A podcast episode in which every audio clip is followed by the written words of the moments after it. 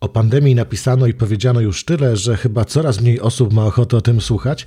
Dlatego w tym odcinku potraktuję pandemię tylko jako pretekst o tym, żeby pomówić o czymś ważnym, bardziej uniwersalnym. I myślę, że właśnie przez to całe zamieszanie, przez tą bieżączkę umyka nam bardzo ważna rzecz.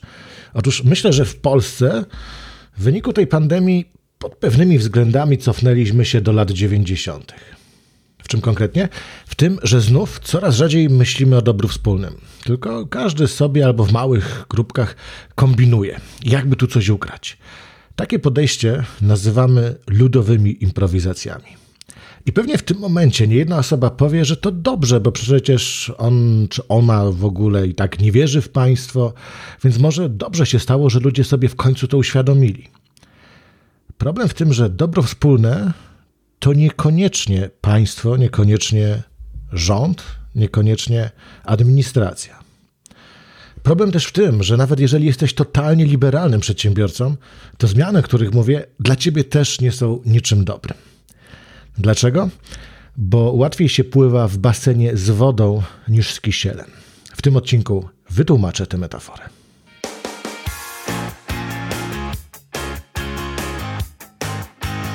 Niby są badania, które pokazują, że w czasach kryzysów ludzie zwracają się w stronę państwa, w stronę wspólnoty, narodu. Ale tutaj, jak mawia klasyk, nic bardziej mylnego.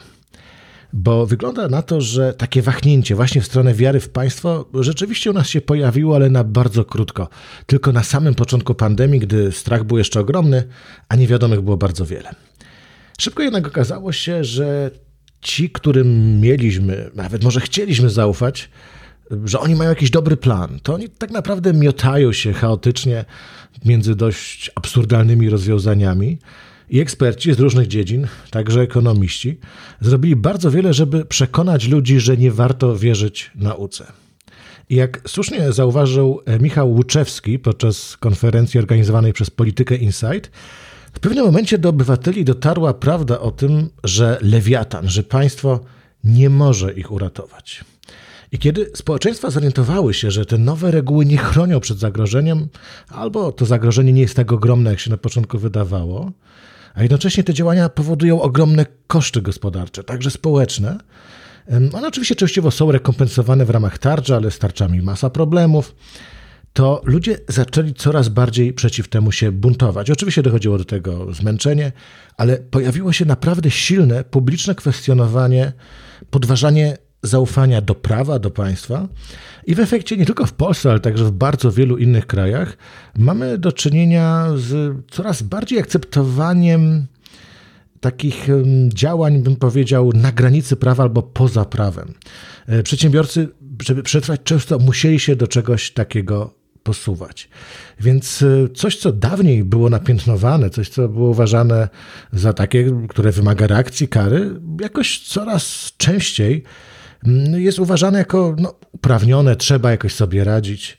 I to jest właśnie ten powrót do lat 90., bo y, myśmy dość późno i bardzo z dużym trudem budowali takie przeświadczenie, że Państwo ma nam pomagać w rozwijaniu naszych aspiracji, w tym budowaniu wspólnego dobra, które też przecież dla każdego z nas indywidualnie jest czymś korzystnym. Ale tutaj się okazało, że znów to państwo jest w opozycji do naszych działań, tak jak było w czasach y, zaboru, w czasach komuny. Coś, co chyba mamy dość silnie wdrukowane, bo przez w ostatnich wiekach to była właśnie reguła, że jesteśmy przeciw państwu, a nie razem z państwem, żeby tworzyć jakieś dobro wspólne, bo państwo jest po to, żeby raczej nas ograniczać, nam utrudniać. Więc przez te wszystkie wpadki, przez te napięcia, w dużym stopniu wróciliśmy do takiego myślenia, jakie było w latach 90. To, co z trudem przez ostatnie lata było budowane i jeszcze daleko do sukcesów, w zasadzie zostało zrujnowane.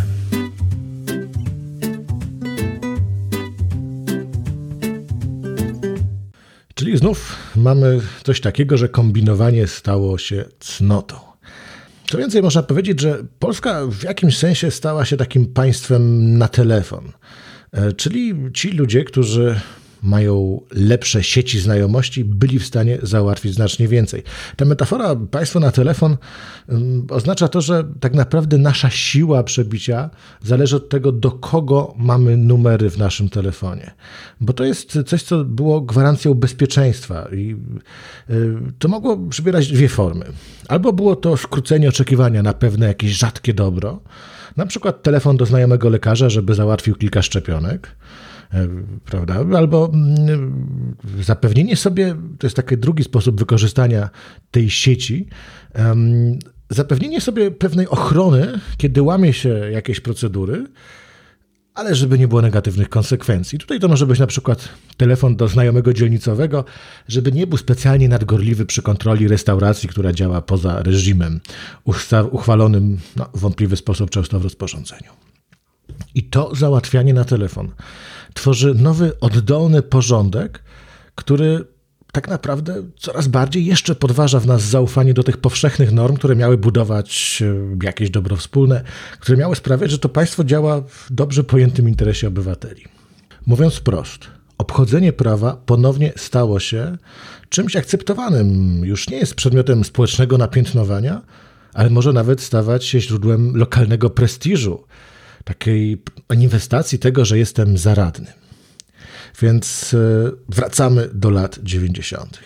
Ale na początku mówiłem o tym, że to nie jest dobra wiadomość dla tych ludzi, którzy chcą ograniczonego państwa, takiego, które nie wpycha się w zbyt wiele dziedzin życia, bo jeżeli pojawiają się takie regulacje i trzeba jakoś je obchodzić, jakoś, je, jakoś próbować je obejść, to to nie jest walka, która nie pochłania ofiar, to nie jest walka, która nie pochłania zasobów. Dlatego nawet jeżeli państwo jest, bym powiedział, takie dość e, wchodzące w różne obszary życia, ale robi to z głową, e, nie robi tego wbrew obywatelom, potrafi to uzasadnić, potrafi egzekwować rozsądne normy, to wtedy mamy wrażenie, że pływamy w basenie, w którym jest normalna woda. Oczywiście wymaga to pewnego wysiłku, ale wszystko jest przejrzyste, jasne i generalnie ten ruch, jak się umie dobrze pływać, nie wymaga dużo zachodu i generalnie też nie ciągnie nas na dno, nie jest czymś ryzykownym. Ale na początku mówiłem o metaforze pływania w basenie, w którym jest kisiel. I tak właśnie wygląda prowadzenie firmy, czy nawet życie szeregowego konsumenta, kiedy musi zderzać się i obchodzić najróżniejsze dziwne regulacje, szukać tego kapitału swojego społecznego, szukać kontaktów w telefonie, które pozwolą to obejść. W efekcie coś, co w normalnym basenie nie powoduje zmęczenia, zwykły ruch rękami, nogami, kiedy zamiast wody w basenie mamy kisiel, to okazuje się, że najprostsza rzecz wymaga niesamowitego wysiłku. I to jest tak, że jak człowiek chwilę popływa w basenie, w którym jest woda, to kiedy wróci do tego, gdzie jest kisiel, to bardzo się czuje niewygodnie. Trochę inaczej wygląda sytuacja, kiedy ktoś nie zna basenu z wodą i cały czas jego jedyny świat, który zna, to jest ten, w którym trzeba się umęczyć przy każdym ruchu. Ale wydaje mi się, że w Polsce poznaliśmy już trochę jak wygląda pływanie w basenie, w którym jest woda. Dlatego ten powrót, powrót do lat 90. może być trochę bolesny. Oczywiście też może powiedzieć, że przesadzam, że to tylko tymczasowe, że kiedy obostrzenia najróżniejsze znikną, do tych problemów już nie wrócimy, ale jednak obawiam się, że coś się zmieniło, że znów y, uświadomiliśmy sobie, że żeby rozsądnie przetrwać, trzeba zrobić coś poza procedurą, trzeba być ustawianym, bo tylko wtedy możemy czuć się choć trochę bezpieczniej, trochę pewniej. A skoro jeszcze społeczeństwo na to patrzy coraz bardziej znów łaskawym okiem, czy bardziej łaskawym okiem niż kiedyś, no to może nie warto się hamować, a może jednak. To wszystko w tym odcinku. Bardzo dziękuję za uwagę i do usłyszenia wkrótce.